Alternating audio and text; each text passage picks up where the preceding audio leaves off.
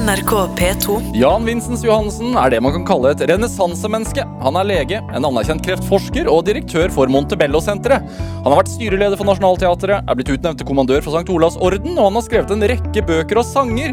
Annet den bestselgende boka 'Kunsten å leve' og Norges OL-sang 'La ilden lyse'. I tillegg er han en habil kunstmaler, for å nevne noe.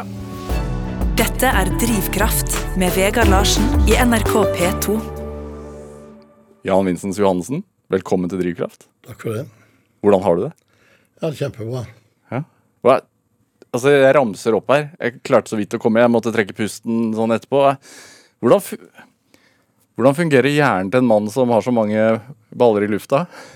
Nei, det er vel, vel mye løse skruer oppi der, og av og til så detter de ned i et hull, og av og til så detter de på gulvet, eller hva det måtte være oppi skallen. Ja. Er det sånn stadig uro at du må sy sysle med noe nytt? Ja, altså Du kan si f.eks. når det gjelder forskning, så visste jeg at jeg kommer jo aldri til å få noen nobelpris likevel. Jeg har et par venner som har fått nobelprisen, så det forklarer seg. Når, når innså du at det ikke kom til å skje? Det innså jeg relativt tidlig, fordi at jeg er altfor eh, rastløs til å jobbe med en hale på ett molekyl hele livet. Det, det, orker jeg ikke. Jeg må ha forskjellige ting.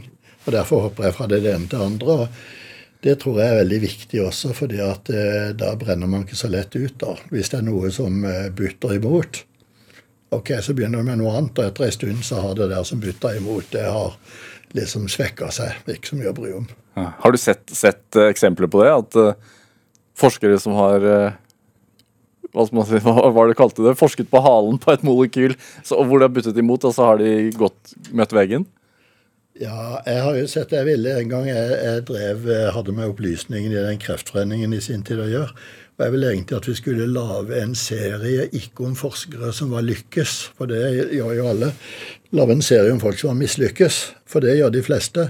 Det blir ikke noe av de. Det er jo akkurat som popstjerner som i Akersgata blir hylla for de har reist verden rundt.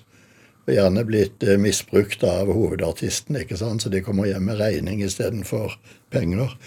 Så eh, da, hvordan de takler det, altså takler den motgangen og bruker hele livet sitt og tjener lite og driver på én ting, og så flopper det.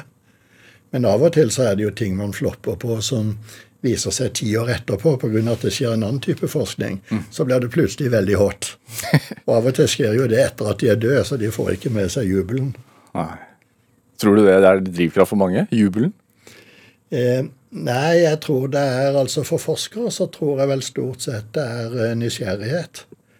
Og når det gjelder meg, så er det jo også nysgjerrighet. Men, men det er liksom at hvis jeg maler på noen bilder og sånn, så, så, får jeg det ikke til og føler jeg gjør det samme om igjen. Og da lønner det seg å snu det mot veggen. Og så ta det fram igjen to måneder etterpå, for da har du glemt det. Du er ikke liksom inne i det der eh, dype hjulsporet.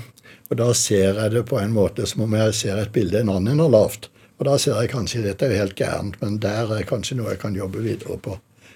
Så jeg også skriver en sang kanskje i mellomtida, og så når jeg føler at den sangen butter, så legger jeg den vekk, og så tar jeg den fram igjen, og så ser jeg plutselig at det er jo egentlig det verset som skulle vært refreng. Mm. Og så snur jeg den om igjen. Så det er liksom det å hoppe frem og tilbake. og det er som eh, Jakob Weidemann, som jo var både venn og læreren min, sa en gang at uh, Kunst, Kunstmaleren Jack Weidmann, ja. Jeg bodde jo mye på Ringsveen og sånn, og, og, han sa at vet du en ting, sa han, den malingen din, det er din form for fyll, sa han. Hva, hva, mente han med det? Han mente at når jeg stanger på malingen, sånn, så går jeg på fylla. Det gjorde han da en sånn tre uker i slengen. Var sånn periodedranker. Men når du stanger, så maler du. Og jeg sa det tror jeg egentlig er litt sunnere. ja. Det kommer an på hva slags maling man bruker, da. Står man i terpentinen, så ja, nå bruker jo mange akryl. Jeg likte ikke så godt akryl, men Nei. siden jeg er litt rastløs, så, så, vil jeg gjerne at ting skal bli ferdig. Sånn at olja, den tørker jo aldri. Og så er det jo mye sånn giftstoffer i, så nå går jo de fleste over til akryl. da. Ja. Og den er jo blitt bedre å jobbe med også, syns jeg. Tørker så fort? Den tørker fort. altså Det har noe med konsistensen å gjøre, enten man driver og lager akvareller eller man driver med akryl eller med olje eller pastell eller hva det er, så, så føler jeg at bildene mine blir helt forskjellige på, egentlig pga. konsistensen i malingen. Også. Det blir andre typer strøk og alt mulig. så Så det veksler. Men Jan Vincents Johansen, altså, som lege og et nysgjerrig menneske som du er, hvordan ser du på denne pandemien vi er midt oppi? Ja, jeg sa eh, Jeg har en venn som eier disse her Viking Cruises. Og han spurte meg da dette her kom, og selvfølgelig alle båtene hans ble jo lagt til kai og stor krise. Så sa jeg jeg trodde det tar to år, sa jeg. Det. Jeg har en magefølelse på at uh, det tar ett til to år, sannsynligvis to år. Hva, hva, hva, Nei, jeg, hvordan kom du fram til det? Det meste jeg har gjort i livet, det skyldes tilfeldigheter og magefølelse. Og jeg har aldri hatt sånn mål og virksomhetsplanlegging og sånn. og når jeg holdt sånn foredrag for mange ledere og sånn i sin tid, så ble de som kom før meg, og de som skulle snakke etterpå, ble ganske irritert når jeg sa jeg tror ikke så mye på sånn mål og virksomhetsplanlegging. Jeg tror at det viktigste det er at man bruker periferien av synsfeltet, og ikke bare ser rett fram, for det gjør alle andre. Ja, Hva betyr det å bruke periferien av synsfeltet? det er at du er åpen for ting. At du ser hva som skjer rundt, og så innretter livet ditt og hva du satser på ut ifra det. Og jeg ser jo flere som lurer på hvordan kom du borti det. da? Så sier jeg du satt jo ved siden av meg, men du så jo bare ned i boka di. Så det er det der å være opptatt av det som skjer rundt, og på mange felt. Så det tror jeg er kjempeviktig, istedenfor å være helt sånn kikkertsyn. Hvis du har kikkertsyn, så tryner det jo hvis det kommer en fra høyre eller venstre. Har du aldri hatt det? Ikke så veldig mye, egentlig. Jeg har eh, egentlig ikke det. Jeg lagde noen sanger sammen med en danske som het Lars Muhl. Og da sa jeg at det var tilfeldig at vi traff hverandre, sa jeg, for han ville ikke jobbe med noen. Og så var det et sånn Warner Chapel som kobla meg på han av en eller annen grunn. Og så sa jeg hvorfor jobber du ikke med folk? Så sa han for de fleste sa han, som driver med sånn popmusikk og sånn, de har ikke mer livserfaring enn jeg kunne putta det under negler på tommelfingeren, sa han. Så, eh, så jeg at det var tilfeldig at vi traff hverandre der. Så sa han tilfeldigheter det er noe som inntreffer når det er nødvendig. sa han. Og det er liksom noe i det. Ja. Og det har vært litt av greia mi også. Det er og tilfeldighet. og Willy Nelson traff jeg for jeg tilfeldigvis havna i nærheten av han på Fornebu i den loungen og sånn. Og så prøver jeg ikke å klenge meg inn på folk. altså Jeg venter at hvis de er interessert, så får de spørre. Du ventet på at Willy Nelson skulle ta kontakt med deg? Nei, altså han, det var helt tilfeldig. Det var en konsert hvor jeg, en hadde invitert meg, hvor jeg satt bakerst i, i konserthuset. Og så gikk alle fram og skulle hilse og ha autografer og sånn. Så sa jeg det gidder ikke. Og så kom jeg på Fornebu, og så, så han gikk der. Så sa jeg bare bra konsert. sa jeg, hva syns du? Sånn, og så var det han der Andersen som var liksom sånn livvakt fra noen trend som kom bort. Så ble han vifta vekk av en eller annen grunn. Og så skulle jeg til London, og så havna jeg faktisk på flyet ved sida av han og søstera og dattera. Så det er Det var helt tilfeldig. Og så kom vi i prat, og så sa han at du må komme og besøke meg. Ja, ja, sa jeg. Så tenkte jeg jeg kan jo ikke det. Det er sånn amerikanere alltid sier det. Why don't you come and see us? Ikke han. Jo, jo, sure. Men så fikk jeg en sånn faks. Det var den gangen og sånn, og spurte når jeg kom. Så tenkte jeg ok, det er ikke meg som har trengt meg på. Men jeg er liksom alltid redd for det at jeg skal klenge meg på noen. Og når han spør om jeg har skrevet noen sanger og sånn, så sier jeg ja, kan jeg høre de? Nei. For jeg vil ikke at han skal tro at det er derfor jeg har kontakt med han for å stikke sanger ned i halsen på han. og mange sånne norske låtskrivere sier du må ta med det, det vil være perfekt for Willy. Så jeg gidder ikke ta det med, for jeg kommer aldri til å vise det til han. Det ligger et, et fjell hjemme hos han av sånne CD-er han har fått som han ikke har tatt ut av plastikken engang. er det? Men hva med legeyrket, da? Var det en tilfeldighet også for deg? Ja, det var vel på en måte det. fordi at jeg vokste jo opp i Sørlandets Black Harlem. Hva, hva, hva, vil det si? Jeg er i Kuholmen, som er en sånn forstad. Og der var det Beskriv Kuholmen. Kuholmen det er liksom ei sånn ja, Nærmest ei slags halvøy eller en sånn tange som stikker ut. Og utenfor der så er det noe som heter Fanteholmen. Det var der alle fantene la til. Og nederst i Kuholmen, 100 meter bort fra der hvor vi bodde da jeg vokste opp, der var det et sånn som de i Amerika ville kalle project. Var en gammel fyrstikkfabrikk som de hadde omreda til eh, sosiale kaser, som de kalte det. Så, og så var det da min familie, ikke min far og min mor og meg, men de andre de var pinsevenner. Så det var en blanding av drikking og knivstikking og fanter og, og, og eh, voksendåp og tungetale. Så det var et fantastisk sted å vokse opp. Når var dette her? Ja, det var jo da i Det var jo da under krigen. Sånn på 40-tallet og, litt, og etter krigen, da, til jeg flytta fra Kristiansand. Så helt fantastisk sted å vokse opp. altså av Ingen som savna iPad, selv om ingen visste hva iPad var, og sånn, for vi måtte gjøre alt sjøl. Og når alle var fattige, så spilte ikke det noen rolle, for det var ingen som var rike i det hele tatt der. Og det er jo eh, Hvorfor var det et fantastisk sted å vokse opp, da? Nei, for det var et sted altså Kåre Vallebrokk, som var en venn av meg, han fikk ikke lov å gå til Kuholmen. Tidligere avisredaktør. Ja, han fikk ikke tid å gå der, for det var farlig og sånn, og litt knivstikking, og politiet likte ikke å dra der heller. De som bodde der samtidig med meg vokste opp, eh, det var jo eh, folk som synes at det var jo ikke noe farlig. Når du sier det, så er det jo overdrevet. Og de som ikke bodde der, sier at det er underdrevet. For det var jo livsfarlig der. Men det var ikke det. Når vi dro på ferie, så låste vi ikke døra engang. Det var aldri noen fanter som stjal eller brøt seg inn hos oss. Vi hørte liksom til i Vi var liksom inne i den eh, ring én, holdt jeg på å si. I en annen type betydning. Så det var et flott sted å vokse opp. Nå er det jo blitt sånn rikt sted. Den rikeste i Kristiansand bor 100 meter fra meg. Akkurat der hvor den fyrstikkfabrikken var. Det huset ble revet, og det først fylkesmannsbolig, og så kjøpte han det og reiv det og slang opp en kåk. Ja, Og så bor jo du i barndomshjemmet ennå. Jeg bor i barndomshjemmet. Ja, det er blitt fornemt, da.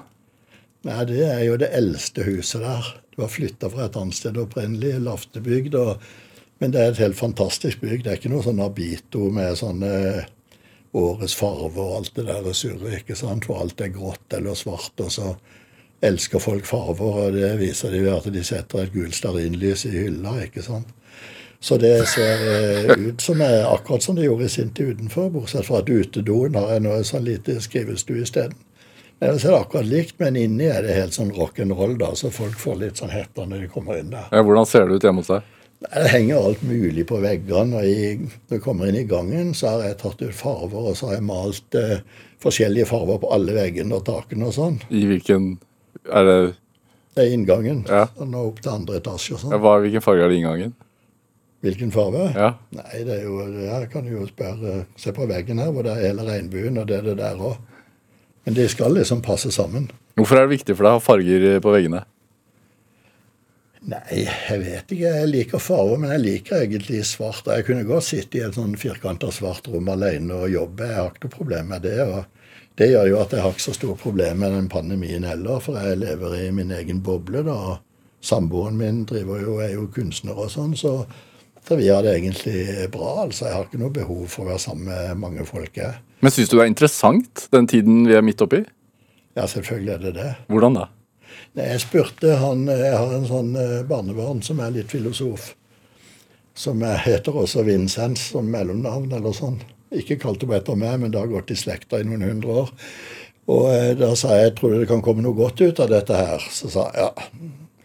Og da er det ti år eller noe sånt. Han er under ti år, ja. sa jeg. Hva kan det komme godt ut av det? No pain, no gain, han. Og Det er vel noe i det at man må gjennom noe for å komme ut av det på andre sida. Og så tror jeg det er mange ting som folk har opplevd her, at mange av de tingene de følte var så veldig viktige i livet, egentlig bare noe dill. altså. Det er ikke det når det kommer til stykket. Hva er mest dill, tenker du? Ja, som er mest dill? Nei, det er jo det der at eh, folk skal tjene så vanvittig mye penger, altså, sånn at de kan ødelegge ungene sine som skal arve pengene, og har et veldig press på seg. Eh, fordi at når foreldre er kjente eller rike eller hva det er, så er det jo et press på ungene. Det visste jeg fra meg òg når jeg ble i sin tid relativt kjent og sånn, så visste jeg at nå, nå er jeg egentlig et problem for de ungene mine. Hvorfor det? jo, fordi at eh, de skal prøve å gjøre liksom som eh, faren sin og forskjellig.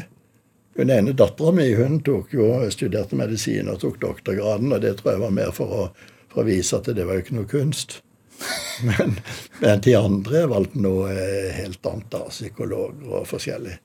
Så jeg tror det, det er ofte et press at du skal leve foreldrenes liv istedenfor å leve ditt eget. Det er jo som en sånn greie hvor, eh, hvor han sier han kaller Gibran at uh, ungen er pila, du er buen, altså. Så fort du har sendt de ut i verden, så må de leve sitt eget liv. Dette er Drivkraft med Vegard Larsen i NRK P2. Og i dag er tekstforfatter og lege og masse annet Jan Vincents Johannessen her hos meg i Drivkraft på NRK P2. Men du svarte egentlig aldri på spørsmålet mitt hvorfor det ble legeyrket. Jo, det var fordi at vi drev med mye galskap den gangen, så det er jo egentlig godt at det gikk så godt som det gjorde. Blant annet så var det meg og en kamerat særlig. Vi drev og eksperimenterte med sprengstoff av forskjellige slag. Altså som barn snakker du om nå? Ja, ja, som barn. Ja. Eller ja, sånn eh, Tenåring? Ja, tenåring, tidlig tenåring. Og da eh, Hvor fant du denne sprengstoffet? Ja, vi lagde mye sjøl, da. Eh, Vi fant ut hvordan vi skulle få tak i forskjellige ting, og fant ut hva det ellers kunne bruke til. Og så gikk vi inn og bløffa sånn at vi fikk kjøpt det, så vi skulle bruke til noe annet, og det var til min far osv. Og så stjal vi en del dynamitt av en entreprenør som bodde i nærheten, og som var slurvete med å låse igjen de der eh, kassene med skikkelige dynamittgubber. Er du på Kuholmen nå, eller hvor? Jeg er på Kuholmen. Ja.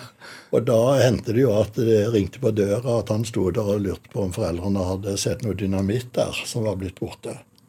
Så det drev vi på med. Og så hadde vi en av de, det var sånn ugrassalt. Man trekker opp i aviser. Ja. Eh, Så tørker det, og så ruller du det knallhardt sammen. Og ikke oppskriften på en bombe nå, da, Johannessen. Ja, ja, det kan du godt si. Nei. Så jeg putta det i lomma, og plutselig så smalt det, og så stak det sånne stikkflammer ut. da, og så eh, var Hele buksebeinet var jo flamma opp. og jeg klarte, når jeg reiv, så reiv jeg av hele beinet som fløy rundt som en sånn kinesisk eh, drage i gården. Og så kjente jeg om jeg var blitt kastrert. Det var jeg heldigvis ikke. Og så tok jeg og gjemte den buksa under all søpla i søppeldunken. Og så sykla jeg ned til legevakten for å få noe bandasje. Og tenkte jeg fikk gjemme den, da, for ellers så fikk jeg jo juling i tillegg til at eh, det smalt. Så det var like greit. Og han der eh, på eh, legevakten han lå på å få sjokk når han så jeg kledde av meg. og så ble jeg sånn tvangsinnlagt på sykehuset, men så ringte min far da ville ikke at de skulle ringe og si at jeg var lagt inn. Så lå jeg der i to måneder, og da begynte jeg å bli nysgjerrig på hvordan kroppen eh, så ut inni. Hva hadde skjedd med deg? Sånn, hva hadde skjedd med deg rent faktisk? Sånn, Nei, Jeg fikk sånn eh, andre- og tredjegradsforbrenninger nedover til kneet, fra, fra hofta og ned. og syklet ned. Jeg sykla ned, så han sa at eh, er de som har brakt deg her og venta, så er jeg nede og ønsker den skal jeg ha med meg. Så det skjønte jeg ikke. Så det, men det er vel òg fordi jeg kom fra Kuholmen, da. Vi, vi drev jo med sånne ting som man nå måtte Nå må man jo ha på seg sånn eh, hjelm for oss å gå ut. Du snakker jo om det så. Men det Du har jo som lege en beskrivelse av skaden din. Som lege. Ja. Nei, den gangen så var det at de la på noe sånn eh, bandasje med noe sånn vaselinpresser, ja. og det lå jo alltid litt for lenge på. Ja. Jeg vet ikke om de var slurvete eller hva det var. Så da når de dro av den, så dro de jo med huden nedover. Så jeg har liksom sånn mønster nedover det ene beinet, men nå er sikkert det veldig hipt da, hvis det du har mønster på beina dine. En slags, slags tatovering. Men, Ja, da, da, eh, da studerte jeg medisin og syntes det var interessant. Og, men det, det startet en interesse for, for hva legeyrket var for noe, og, Ja. kropp, og kroppen. Var det. Så eh, Nei, det var, jeg har ikke angra på det. Jeg har egentlig aldri angra på noen ting, jeg, selv om jeg har gjort mye dumt. Men hvorfor ble det Du ble lege og medisin, og så ble det kreft som ble feltet. Hvorfor det? Nei, det var også tilfeldig. Jeg studerte i Bergen. Og så fikk jeg altfor gode karakterer i forhold til hva jeg kunne. Og da lurte og tenkte jeg at da får jeg jo lære meg det som eh, tilsvarer de karakterene jeg har fått. Og da tok jeg patologi, fordi at det dekker alle sykdommer istedenfor å gå inn på øre, nese, hals og kirurgi eller hva det er. Og eh, så var jeg interessert i eh, morfologi og sånn, da. Så jeg sitter og diagnostiserer ting i mikroskopet da, og ser på de farvene. Og starta opp med elektronmikroskopi der. Eh, For det er nesten som grafikk. Fantastiske greier. Det er grafikk med vanlig elektronmikroskopi. Og så er det noe som heter scanning elektronmikroskopi. Da er det akkurat som skulpturer og inni kroppen. Helt fantastiske greier. Så starta jeg opp i det, og så var det en som skulle bli professor i Tromsø. Og som skulle dra en over på Radiumhospitalet til å overta etter seg. da. Og han var over fysisk, faktisk, for å å verve meg til det. da, Og da ble Da ble jeg dratt over der, da. Og så, så var jeg der i stund og var patolog og sjef på en sånn avdeling. og drev og ga ut en del bøker i USA om sånn uh, elektronmikroskopi. da, En sånn tolvbindserie, blant annet. Fordi at den serien fantes ikke, så da måtte jeg ha noen til å lage den for meg. og så uh, fant jeg ut at jeg får jo gjort egentlig mye mer hvis jeg jobber gjennom andre. da, Og kobler folk sammen som fungerer sammen. Men hva var det med kroppen som Hva er det med kroppen som interesserte deg sånn, da? Nei, Kroppen interesserer vel alle så lenge han fungerer. Og når den ikke fungerer, så er den jo enda mer interessant å se om man kan reparere den eller ikke. Ja. Så det tror jeg alle er egentlig interessert i det. De fleste er jo eh, hypokondere, og det betyr jo at de er opptatt av kroppen sin. Er du hypokonder? Nei. Nei, det slår meg ikke som hypokonder. Det er ikke det. Nei. Er vi, er vi for bekymret for uh, Altså, er vi for mye hypokondere? Jeg tror det er både ja og nei. Altså, jeg tror jo eh, jeg, jeg lagde en film eh, i sin tid.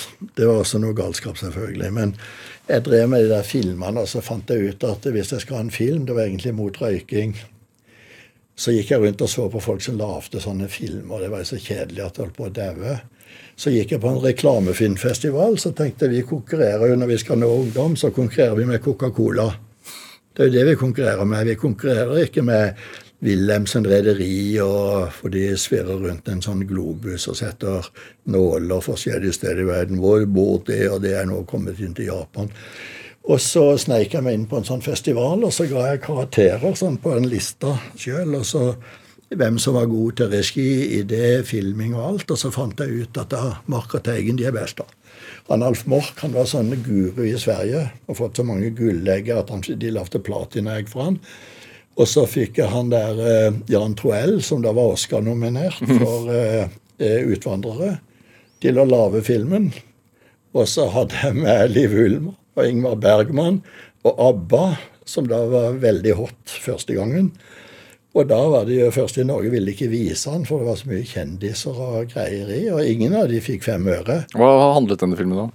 Nei, Han handla om eh, jeg skrev først det manuset. Da var det egentlig at du gikk inn i et sånt fly, og så gikk du inn forskjellige dører og sånn. Og, men så ble det skrevet om igjen at det var her på Marienlyst blant filmer. filma. Og da eh, var det en sånn skoleklasse, bl.a. hun eh, Kari Jakkesson, som jo er blitt litt berømt og berykta i det siste. De gikk rundt på Marienlyst og så inn i studio her og forskjellige sammen med Jon Skolmen. Og da så de disse scenene hele tida. Og og så var det ikke egentlig noe sånn skremselsgreier, bortsett fra det var en som holdt foredrag som var sånn strupeløs. Som hadde gått rundt og holdt foredrag og sånn. Og så så de ABBA, så snakka vi med ABBA om det der med å røyke og få barn og sånn. Og, og han Ingmar Bergman eh, prata om hvordan det var med røyking. Han hata røyking. Så han fortalte noen historier som var bare tull, altså.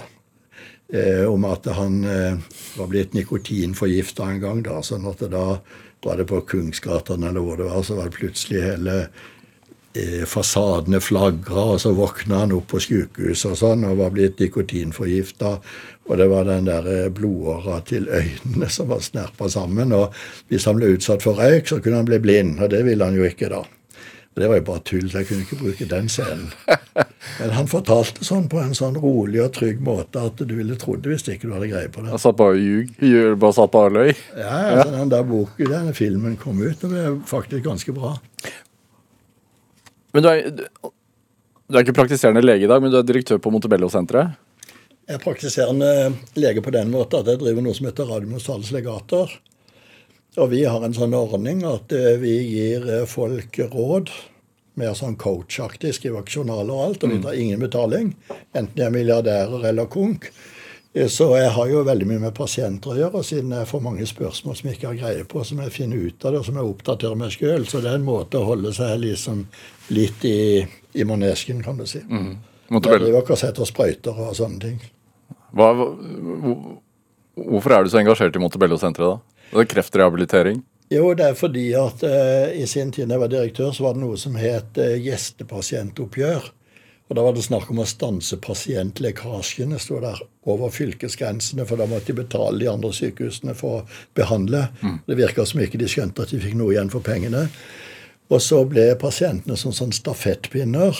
Og når de var ferdige, så visste de jo ikke egentlig hvordan hvem som var legen deres eller sykehuset deres, og så falt de mellom alle stoler.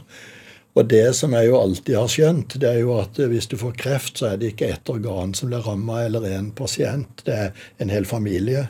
Og det var at hele familien kunne komme gjennom en veldig vanskelig situasjon i livet. Og klare å takle det sammen, for du klarer ikke å komme rundt og du må gjennom det, og da trenger du hjelp. Og da oppretta jeg det. Det var en sånn politisk lærdue som jeg skjøt ned i 1990. For at noen skulle lage privathospital i Mesnalia. Mm. Og det ville ikke Arbeiderpartiregjeringen. Så sa jeg gi det til meg, da, så skal jeg lage noe fornuftig ut av det istedenfor som vanlig tull. Så da har det nå det drevet og fungert i de 30 eh, årene, da. Hva gjør dere da? De har kurs eh, av forskjellige typer, forskjellige trinn, og hvor hele familien går, eh, får lært mer om sykdommen. De lærer andre som har egentlig samme problemer som de sjøl. Og eh, de lærer metoder å takle det på. De får ikke noe stråling eller medisiner, eller noe der, men de lærer å takle dette her eh, fysisk, at livet har forandra seg. Hvordan går det? Hvordan påvirker det Altså, Kreftpasienten er jo syk, selvfølgelig, men hvordan påvirker det ofte resten av familien? Veldig positivt. Fordi at ofte så er det slik at eh, pasienten skal skåne de pårørende for sykdommen sin, og de pårørende skal skråne pasienten. Men her får de på ja, dit, en måte Dit man tenker det selv? Ja, ja, ikke sant. Så da får de jo egentlig komme inn på det, og så ser de at eh, andre har samme type problemer som de har. Hva går de problemene ofte ut på? De problemene går jo ofte ut på eh, For å ta det slik at hvis det der er barn i en familie, så er det jo den ene ungen som har kreft. All oppmerksomhet tiltrekkes den ungen. Mens de andre nesten misunner den som hadde kreft. Mm. Og hvis det den skulle dø, da, så blir det veldig sorg og greier. Og de andre føler på en måte at de er ikke like mye verd. Og det å lære de å forstå at det er en helt naturlig reaksjon. Du behøver ikke ha dårlig samvittighet og føle du er et dårlig menneske av den grunn. Det er faktisk sånn som alle går igjennom. Alle vil bli sett. Og i dag er jo ikke det bare eh, søsken til sånn som har kreft. I dag vil jo alle bli sett. I gamle dager, når du spurte hva folk skulle bli Jeg skulle bli brannmann og politi og lege og jurist. Men så ble de skulle bli kjendis. Og så skulle de Nå er det jo å bli blogger. Det er jo stort sett inne. ikke sant? At Det står jo på NRK alt som står der under blogger. Blogger og forfatter. Så det er liksom forandra seg, det der yrkesvalget til folk. Lik, liker, du ikke, liker, liker, du ikke blogging? Noen er bloggere er blad, og andre er sånn babbel at jeg blir helt svett i begge ørene. så orker ikke Men Jan Vincent Johansen, har du hatt et behov for å bli sett? Jeg har faktisk hatt mindre behov for det enn en folk tror. Og eh, det, det, har jo av og til vært en fordel, f.eks. For når jeg sammen med Nicolai Tangen drev med den kunstsiloen i Kristiansand. Da ble jo han ganske synlig, og de andre synlige, men jeg ville helst ikke bli sett. Ikke fordi jeg var redd for det, men jeg ville ikke at det skulle bli en sak som hadde med meg å gjøre. Så da sendte jeg ut hun som var konstituert direktør, og sa du er mye penere enn meg. Tar du bilde med ordføreren med kjede og Nicolai Tangen og de. Sånn at det er mange som ikke vet at jeg var styreleder for det museet. Og det er helt greit. Det er helt greit. Ja, ja. Er det Du er altså en anerkjent tekstforfatter, eh, Johannessen. Jeg syns vi skal spille en låt eh, som heter Dark Season, og der synger du også. Ja. Og da, da tenker jeg, når man når man velger å synge også, så da, man, er he, altså, man er ikke helt fremmed for oppmerksomhet. Nei, da er du jo helt ute av komfortsonen. Men det som er drivkraften min, det er stort sett å gå løs på ting som ikke jeg vet kommer til å bli vellykka. Og av og til blir det mislykka, og av og til blir det noenlunde vellykka. Jeg er nesten aldri fornøyd med noe av det jeg gjør. Noe er jeg noenlunde fornøyd med. Men når jeg er ferdig med ting, så hiver jeg det over skuldra. Da er det liksom passé. Men eh, så tenkte jeg det der eh, Det er jo sånn at eh, det som folk syns er verst, det er jo også å ta ord i forsamlinger. Det er liksom verre enn døden nesten for de fleste. Ja. Og det å synge offentlig, det er jo enda verre. Hvis ikke du har da blitt dytta framover av mora og faren din og stiller på Idol og, eller på Voice og ingen snur seg, så, så skrev jeg denne sangen egentlig for Dark Season. Det er jo Dark Season nå. Det er både dark season at det er mørkt, men det er jo også at det er blitt ekstra mørkt pga. koronaen og sånn. Mm. Og da er jo liksom innholdet i sangen at hvis du er sammen med noen og sånn, så er det This is the first night of the dark season and life was never so bright. At du kan se lyset i, i det også. Og så er dette her egentlig bare en demo, for jeg skulle ha Steinberg Svendsen, som er fantastisk god å jobbe sammen med, til å lage noter på det. Og så sa jeg har liten tid for en mikrofon, og så sang jeg inn dette her. Og så, så syntes han det var kult, og jeg syntes det var helt grusomt. Så jeg sa jeg kan komme tilbake igjen og synge skikkelig i morgen. Det ble jo iallfall helt grusomt når jeg skal prøve å synge, for det kan jeg jo ikke. Og så hørte han Mikki Rafal, som er en venn av meg fra USA, som eh, har vært på masse Grammy-plater og er, eh, spiller munnspill for Willy Nelson. Og han syntes han var kul, så sa jeg det er jo meg som har skrevet den og synger. For jeg hadde bare skrevet demo 1, 2, 3, 4 og sånn. Nummer 4 likte han. Så det helt grusomt. Han syntes det var kult, han. Og så tenkte jeg kan jeg like godt gi han ut, så kan jeg få en på trynet der òg. Tenkte jeg fortjener sikkert det. Men når, når du før vi, før vi hører den, bare sånn, fordi du har skrevet eh, 'Himmel på jord', som Kurt Nilsen er blitt kjent for. Så har du skrevet eh, 'La ilden lyse', OL-sangen, bare for å nevne ja. to som er veldig kjente. da. Ja. Stemmer det at du bare skriver disse tekstene på en serviett? Ja, den er skrevet på en rød serviett. Er, er, det sant, eller er det en slags det Nei, nei. Og 'Sommer på jorda' den skrev jeg på en hvit serviett som Arne Hurlund plukka opp og tok til Påskerodbygget. Jeg visste ikke han hadde tatt den opp en gang. men Ellers så er det stort sett jeg skriver og sanger. Jeg legger meg gjerne klokka to. På natten? Ja, cirka. Natten eller kvelden, eller hva du vil. Og så våkner jeg klokka fire, og da hender det at det kommer tre sanger i huet på meg som jeg ikke har tenkt på engang, så jeg kan bare skrive de rett ned. Og så er det liksom som en som dikterer til meg, så jeg må si må ikke gjøre så fort, jeg rekker ikke å skrive ned. Det er som en dikterer til deg? Ja, det bare kommer. Jeg vet ikke hvor de kommer ifra i det hele tatt. det er. Nå bruker jeg jo litt den der iPhone, men før så hadde jeg alltid blokk på nattbordet og blyant. Og så tente jeg lyset, og så skrev jeg ned. For ellers hadde jeg ligget og tenkt at nå må jeg ikke glemme det her i morgen, så hadde jeg ikke fått sove. Og neste morgen hadde jeg lurt på hva i all verden det var. Så det er det bedre å skrive det ned, og så heller sove litt lenger, kan du si. Jeg har jo ikke noen sånn vanlig dagsrytme eller nattrytme, eller hva du vil. Og da tenker jeg på han, eh, han Rolf Jacobsen og kona Petra sa til folk vi tror vi bor i et fyrtårn, sa hun. For lyset går jo av på hele natta. Sånn er det med meg også. La oss høre, da. Eh, er, det, er denne skrevet om natten, eller? Eh, nei, den er skrevet om kvelden eh, med et glass rødvin på forspillet til Dark Season-festival i Kristiansand. La oss høre.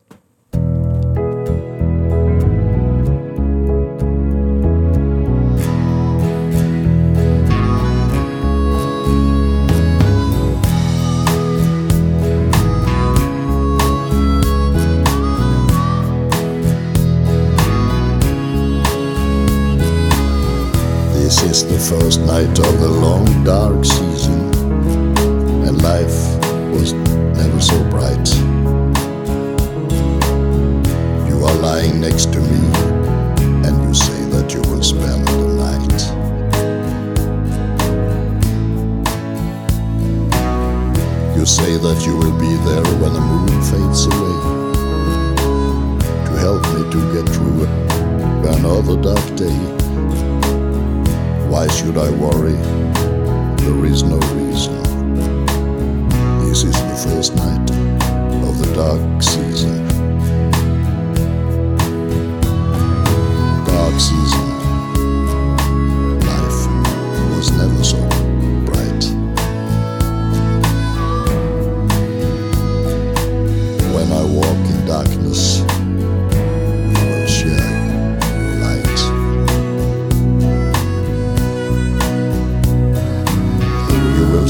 love that my heart longs for.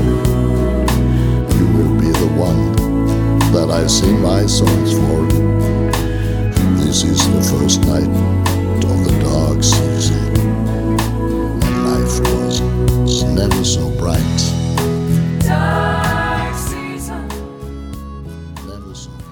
Ja, Du fikk en smakebit av Jan Vincents Johannessens Dark Season her i Drivkraft på NRK P2. Fremført av dagens gjest her i Drivkraft, nemlig Jan Wissens Johannessen. Eh, har du mørke i det? Ja, ja, jeg har det. Det er mange som tror at jeg er veldig sosial og veldig utadvendt, men egentlig så er jeg ikke det. Egentlig så ligger jeg jo under midtlinja, kan du si.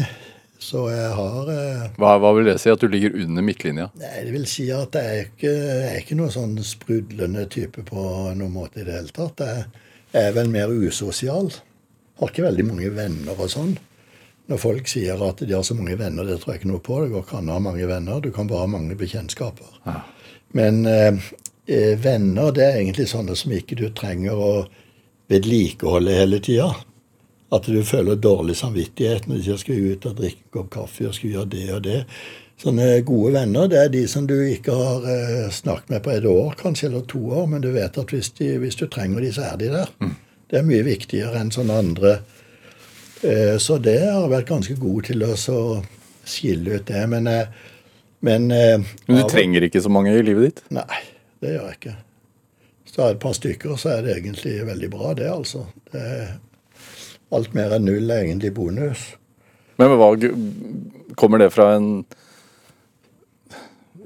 indre ro, eller er det et mangel på et sosialt behov, eller hva tenker du?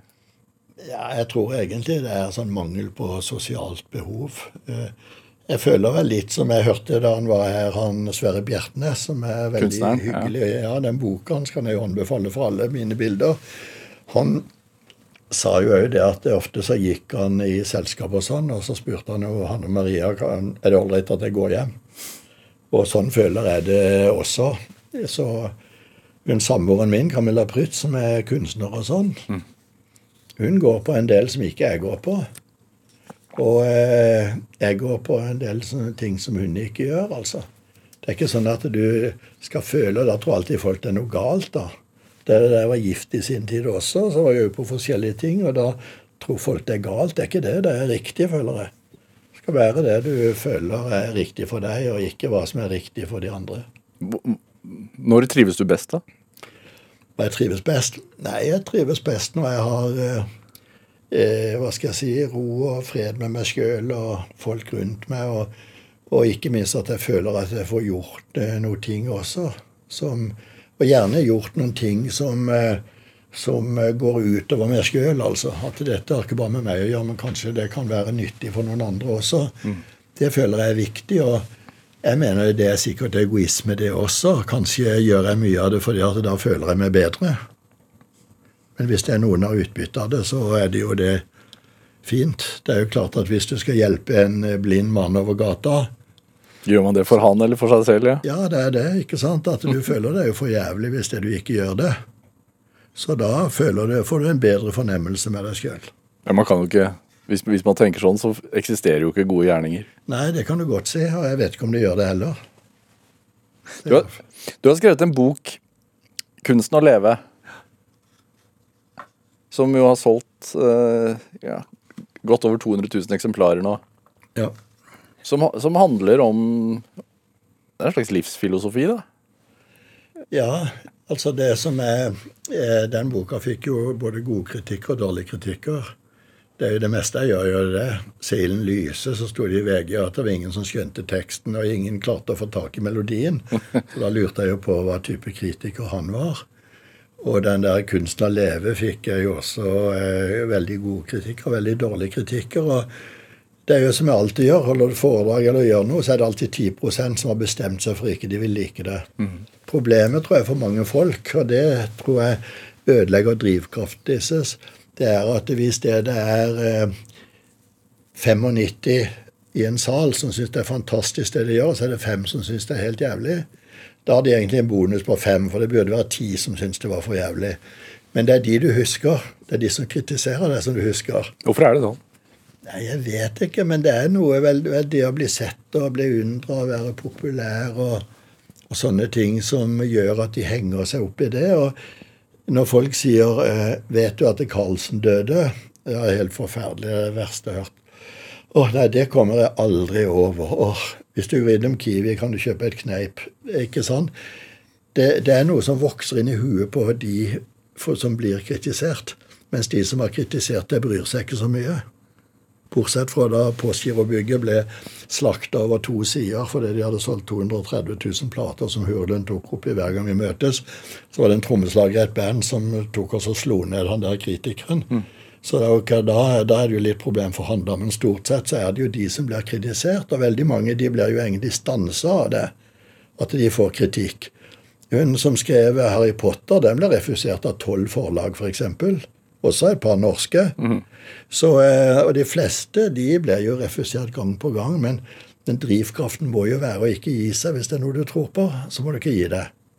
Hvis ikke du tror på det, så kan du jo bare bli, blåse i det. Du sa vel tidligere at mye av din drivkraft handler om å utfordre deg selv. Ja. Hva, hva er det som er så givende med det? Jo, det er jo at det er jo ikke noe spennende Altså, jeg holdt foredrag og forskjellig, hvis jeg hadde et manuskript og sånne ting Det ble jo så kjedelig at jeg holdt ikke på å sovne sjøl etter fem minutter. Men hvis jeg går inn og holder noe og ikke vet om dette går helt på trynet, så må jeg jo være litt mer på tåspissene og skjerpe meg. Og da er jo også fordelen at hvis det ikke går helt på trynet som det kunne gå, så er du sånn relativt eh, godt fornøyd. Men hvis det du hadde noe som skulle være helt perfekt, og så ble det bare nesten perfekt, da er det jo skuffa. Så jeg tror liksom på det der at du skal ha litt løse hengsler, altså. Det tror jeg er veldig viktig for folk i livet. Skal ha løse hengsler, altså. Det som du kjører gjennom slalåm, så må du liksom være en port foran, ellers så kjører du ut. Men setter du deg ned noen ganger og tenker at du er fornøyd? Nei, jeg er aldri helt fornøyd. Men, eh, Hvorfor ikke, tror du? Nei, jeg føler at eh, hvis det er at jeg er rimelig godt fornøyd, så, eh, så eh, er jeg fornøyd, for å si det sånn, da at det var helt greit. Det er jo noe vi sier i Kristiansand når folk spør om noe. hva sånn syns du det er? Nei, jeg syns det er greit, det. Ja, hva er galt, da, sier de. Sier det er jo ikke noe galt, jeg sier jo det er greit. Så der har, jo litt, eh, der har jeg jo litt sånn problemer med folk som tror at når jeg sier det er greit, så er det ikke godt. Mm. Men det er jo det. Det er jo greit. Var det Hvordan var oppdragelsen din? Nei, det var en eh, oppdragelse er på en måte så så eh, kjørte jeg litt på sidespor i forhold til foreldrene mine. da, at jeg, Hva vil det si? Jeg hadde ikke så veldig mye med de å gjøre. Da jeg gikk på folkeskolen, og sånn, så skulle man gå hjem med karakterboka og sånn. Jeg ville aldri ha med hjem. Hvorfor det? Og jeg, nei, jeg fikk gode karakterer, så derfor så fikk jeg ikke noe kjeft på skolen at det ikke var undertegnet. Men eh, jeg, var så, jeg var så redd for at de skulle gå rundt De skrøt aldri av meg. Men jeg var redd at de skulle gå og skryte av meg til andre folk. Hvorfor ville du ikke det? Sånn, nei, jeg syns det synes jeg var flaut. Så, og det syns jeg egentlig er nå. Når jeg får ros for en del ting nå, så syns jeg det er litt flaut. Jeg er ikke noe god til å ta ros, altså. Jeg vet ikke hvorfor, men jeg syns jo det er bedre å få ros enn å bli skjelt ut. Det er ikke det. Jeg er ikke sånn masochist. Men eh, jeg syns det er vanskelig å ta eh, ros. da. Jeg blir litt flau da. Når jeg hadde sånn maleriåpninger av utstillinger og maleri både i Norge og i utlandet og sånn, så vil jeg helst ikke gå på åpningen. Så kommer folk bort og så spør de, ja, hva forestiller det bildet? Ja, hva tror du da, sier jeg. Og så sier de et eller annet, og så sier jeg var ikke så dumt tenkt. Og da blir de veldig godt fornøyd. Da kjøper de kanskje til og med bilde, for de har sett hva som var i det. Men det var ikke det jeg så. Men det spiller jo ikke noen rolle. Altså et bilde eller en sang eller hva det er. Det er jo bare noe når det du kommer i kontakt med et mm. annet menneske, at det berører de på en måte. Hva jeg har ment, det spiller ikke noen rolle. Er det Hva, hva drev moren og faren din med? Min far han var vaktmann. Han jobba hele døgnet. Var en fantastisk til å stille opp for alle folk for dårlig betaling. Hadde det laveste lønnstrinn i staten, som jeg tror var lønnstrinn fire. Og så fiska han eh, sjøørret hver eneste natt, så han brukte fem stykker som han sleit ut, for de orka jo bare én natt i uka.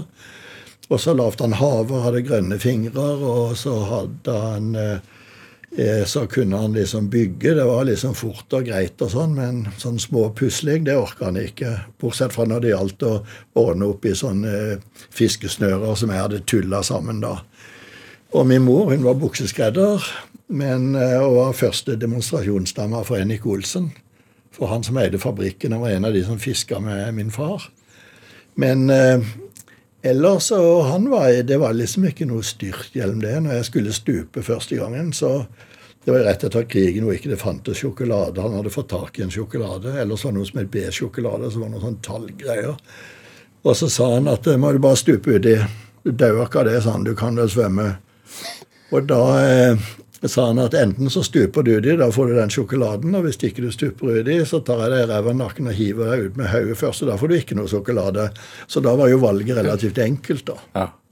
Kunne du svømme? Ja, ja. Hva smakte den sjokoladen, da? Nei, den smakte helt ok. Det hadde vært eh, ganske irriterende hvis de ikke hadde fått den, kan du si. Var den hard? Ja, men altså Jeg fikk jo juling, og folk syns det høres forferdelig ut at det ble banka opp. Alle i kuren ble banka opp. Altså, det er, jo, det er jo spørsmål hvor du legger normen. Nå er det jo sånn at tar du en unge i øret eller noe sånt, så kommer du inn til barneombudet eller hva det er. ikke sant? Alle fikk jo juling. Og han gjorde jo det bare for at jeg skulle bli et skikkelig menneske. Det var, han var ikke noe sånn brutal type. Så når det er Beatles og alle, det var jo bare noen langhåra pøbler som hadde fått for lite juling og sånn. Så, så, det var liksom vanlig. det, og Hvis det, vi var på epleslang og ble tatt, så fikk vi jo juling av han som eide epletreet, så det holdt. Og når vi kom hjem, så sa de jo ikke det, for da fikk jo juling en gang til. Så det var, Men jeg tror noen tåler ikke sånn. Men jeg, jeg likte egentlig bedre det og så være ferdig med det, istedenfor de som drikker sånn psykisk avstraffing. Det er mye verre enn å få en ørefik, altså. Eh, sikkert jeg ble vel anmeldt når jeg sier dette her, men, for meg funka dette veldig bra, altså. Jeg hadde ikke noe problem med det, og jeg bestemte meg at samme hvor mye juling jeg får, så skal jeg aldri grine. Nei. Så det var liksom en måte å gjøre det på. Hvorfor var det Nei, da følte jeg at Da tok du igjen? Nei, altså, jeg følte at hvis jeg fikk juling og ikke grein, så hadde jeg vunnet. ikke sant? Det sier seg sjøl, det. Tror du at Tror du at det herda deg på noe vis? Jeg tror nok det. Hvordan da? Jeg tror det herda på den måten at det, det skal jo Samboeren min sier altså høy smerteterskel, det vet ikke jeg, men det er mulig at jeg var herda, at jeg hadde gått igjennom den der eh, Kuholmen-kuren, kan du si. Ja. Og andre ble også det. Det var ikke bare meg, alle var sånn. Så det var normalen. Det hadde vært én som ble mishandla, så hadde det sikkert vært verre. Men det var ikke egentlig mishandling. Det er ikke noen som dauer om du får noe smekk på rumpa, altså. Det var en annen tid, da. Er en helt annen tid. Så man, det er det man må. Man må jo egentlig, når man vurderer ting, så må man stille det inn i den tiden det gjaldt, altså. Mens mange snakker om det ut fra dagens, så var jo ikke det helt bra. Ja, For du har ikke videreført det selv? Nei, jeg har ikke det, faktisk. Kanskje jeg burde gjort det? Nei. jeg bare tuller. Det har ikke vært nødvendig. Hva lærte du, da? Hva er det du har tatt med deg mest fra barndomshjemmet? Jeg har tatt eh, det at eh, det, det er at du må gjøre ting sjøl, altså. Ikke bare sitte og syte og klage. Alt det vi hadde med skøyter, vi måtte kjøpe hos Fillemannen og reimer og ski. Vi måtte gjøre ting sjøl, da. Og det at du kan skape ting sjøl istedenfor at du får kjøpt alt. Det er jo akkurat som med jul, så er jo det viktigste med jula, det er jo tida før. Det er jo forventningen for hva du får. Når det du har revet av papiret, alle gavene, så var det ikke noe mer. Så er det jo slutt, da. Det er jo samme som du skulle reise på ferie. Vi reiste til Hirsals med danskebåten og spøy hele veien. Men det var jo alltid en forventning å reise, selv om når du var på båten, så tenkte du dette skal jeg aldri gjøre igjen. Men forventningen den var egentlig stor. Nå sitter folk bare og blader. Blir det Dubai? Blir det Seychellene? Hva blir det? Og så kan de bare gå og kjøpe det, og så reiser de. Da, da mister du hele den der forventningen. Og den forventningen, det gjelder med alt det jeg gjør og sånn. Det er forventningen som egentlig er det viktigste. Har det vært en sånn er, en, glede i livet? Ja, jeg vil si det. Å ha forventninger til ting? Ja, det, det vil jeg si. Er, det derfor har- du ikke klarer å sette deg ned eh, og pensjonere deg heller? Fordi at du har stadig forventninger til nye ting? Nei, du må, du må ha en forventning, og så er det jo veldig mange på min alder, da. Når jeg begynner å bli Før så visste jeg ikke hvor gammel jeg var. Da måtte jeg tenke når jeg var født, og hvilket årstall det var, regne tilbake igjen. Siden det nå blir et rundt tall om et par måneder, så er det lettere å vite. Men, men det folk ikke har skjønt, er at hjernen er en muskel, den òg, altså. Du får ikke noen muskler hvis det du ikke eh, spiller fotball som jeg gjør, eller eh, trener muskler, eller hva du gjør. Og du, du får ikke brukt hjernen, den bare slukner hen. Og når folk bare går rundt og subber, altså, og venter på å dø, det, da er det jo egentlig Det er jo ikke mye forventning da. De sitter i en fluktstol ved sjøen, har kjøpt hus i Spania, ser utover sjøen, og så sier mannen 'nå har vi det godt'. Og så sier kona 'ja, nå har vi det godt'. Og så ja, dette kan aldri vare. Det er Kristiansand, sier de alltid det. Det er nasjonalsangen der. Hver gledesstund du har på jord, betales skal ved sorg. Det er best å ikke ta den på forskudd. Hva tenker du om det? Nei, jeg syns det er dumt. Jeg tror, eh, jeg tror man, skal, man, skal, ta det for seg mens det er der, for ellers er det vekk. Mm. Det er veldig mange når det er på slutten ja, hadde jeg gjort det, og hadde jeg gjort det, altså det burde jeg gjort. Det er for seint. Toget er gått. Du må ta toget når det, det passerer, ellers så blir du sittende på stasjonen og ergre deg. Hva sier folk mest da når du har møtt ordentlig syke mennesker? Nei, Det er veldig forskjellig, men det som veldig ofte imponerer meg, det er hvordan de klarer å takle den vanskelige situasjonen. Eh, det er jo også en del som er eh, kanskje har vært hva skal jeg kalle hypokonder eller veldig redd for sykdom og sånn. Men når de plutselig får en sånn konkret diagnose med behandlingsopplegg og alt som finnes, så har de noe konkret å slåss mot. Ikke bare mot et eller annet sånn frittflotterende angst, kan du si. Ja, Men så hva angrer de mest på? Jeg tror de angrer mest på det de ikke har gjort. Ja. Jeg var en gang eh, borte med han, eh, med han der eh, mannen til Arne Næss, mannen til Diana Ross i London. Og da fortalte jeg det. Det var etter at den der boka 'Kunsten å leve' hadde kommet ut. og Han hadde også skrevet ei bok og sånn. Og så sa jeg at man angrer mest på det man ikke har gjort. Og hun sa at jeg angrer veldig mye på ting jeg har gjort, sa hun. Så det, det, gjelder jo den veien også, da. Mm. Men jeg tror mange føler at de har ikke, de har ikke utvikla seg, for de har vært redd for kritikk. Og det tror jeg med kreativitet og sånn også. Det som er mest hemmende for kreativitet, det er kritikk, men det er din egen kritikk. At du våger ikke å gjøre det. Du må liksom slippe opp for kritikken når du gjør det, og så må du se på det med et klart blikk etterpå. Og skille skitt og kanel. Ikke tenke for mye, kanskje også? Nei, det sa Weidemann en gang til meg. Malte sånn Faen, slutt å tenke så mye sånn. Du har vel instinkt, for faen. Og jeg tror det er egentlig noe i det. Ja. Men han lærte meg jo sånn enkelte ting. F.eks. han holdt en tommel foran den blå flekken på det bildet mitt. Ja, så jo, hva skjedde, sa han. Da kollapsa bildet ditt. Så sa han, der kan du se, det er ikke så enkelt som folk tror. Hva mente han med det?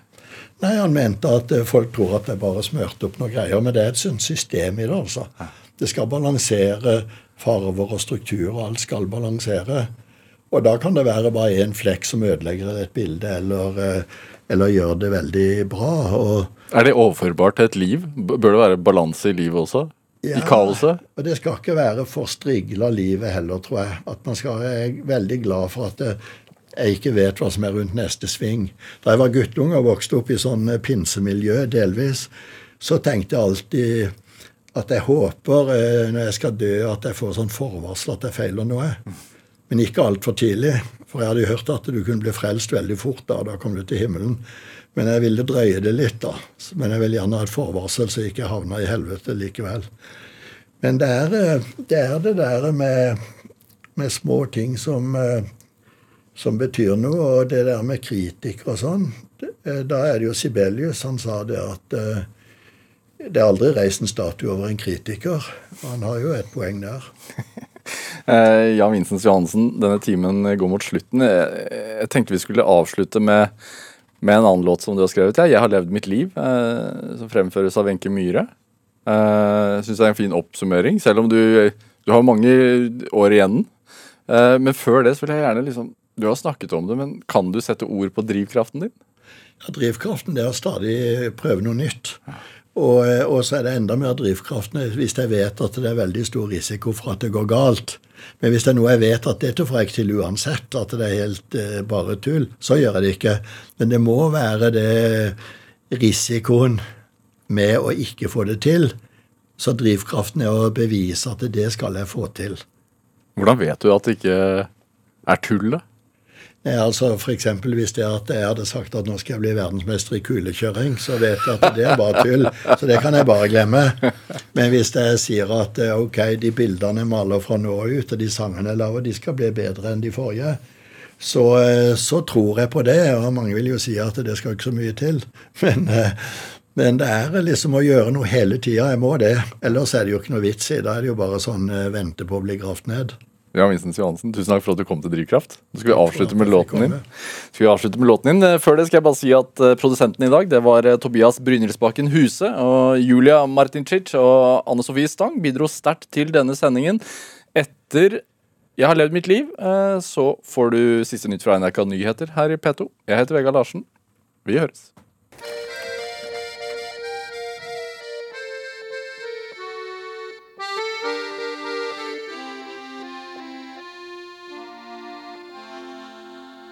Når jeg en dag står helt alene foran himmelens perleport, der hvor alle mennesker må stå en gang, vil jeg knele for vår Herre for å synge siste sang. Og den handler om en kunstner som har levd. Jeg har levd mitt liv som kvinne. Jeg er skapt av kjøtt og blod. Jeg har kjempet med de drifter jeg har fått. Jeg har elsket, jeg har syndet. Jeg er sliten og forslått. Men jeg frykter ikke dommedagen min. For jeg håper Gud forstår et kunstnersinn.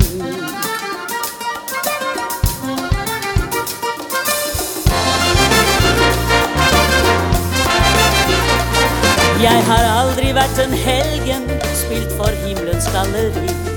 For til det har livet mitt gått altfor fort. Og når scenelyset slukkes og kostymet henges bort, må jeg tilstå jeg har syndet, jeg har levd.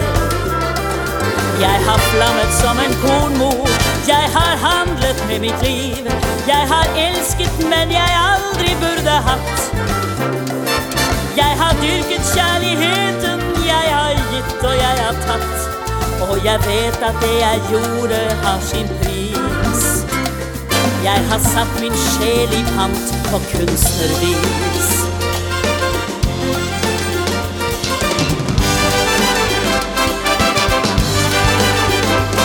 Det fins ingen vei tilbake, det jeg gjorde har jeg gjort. Livet er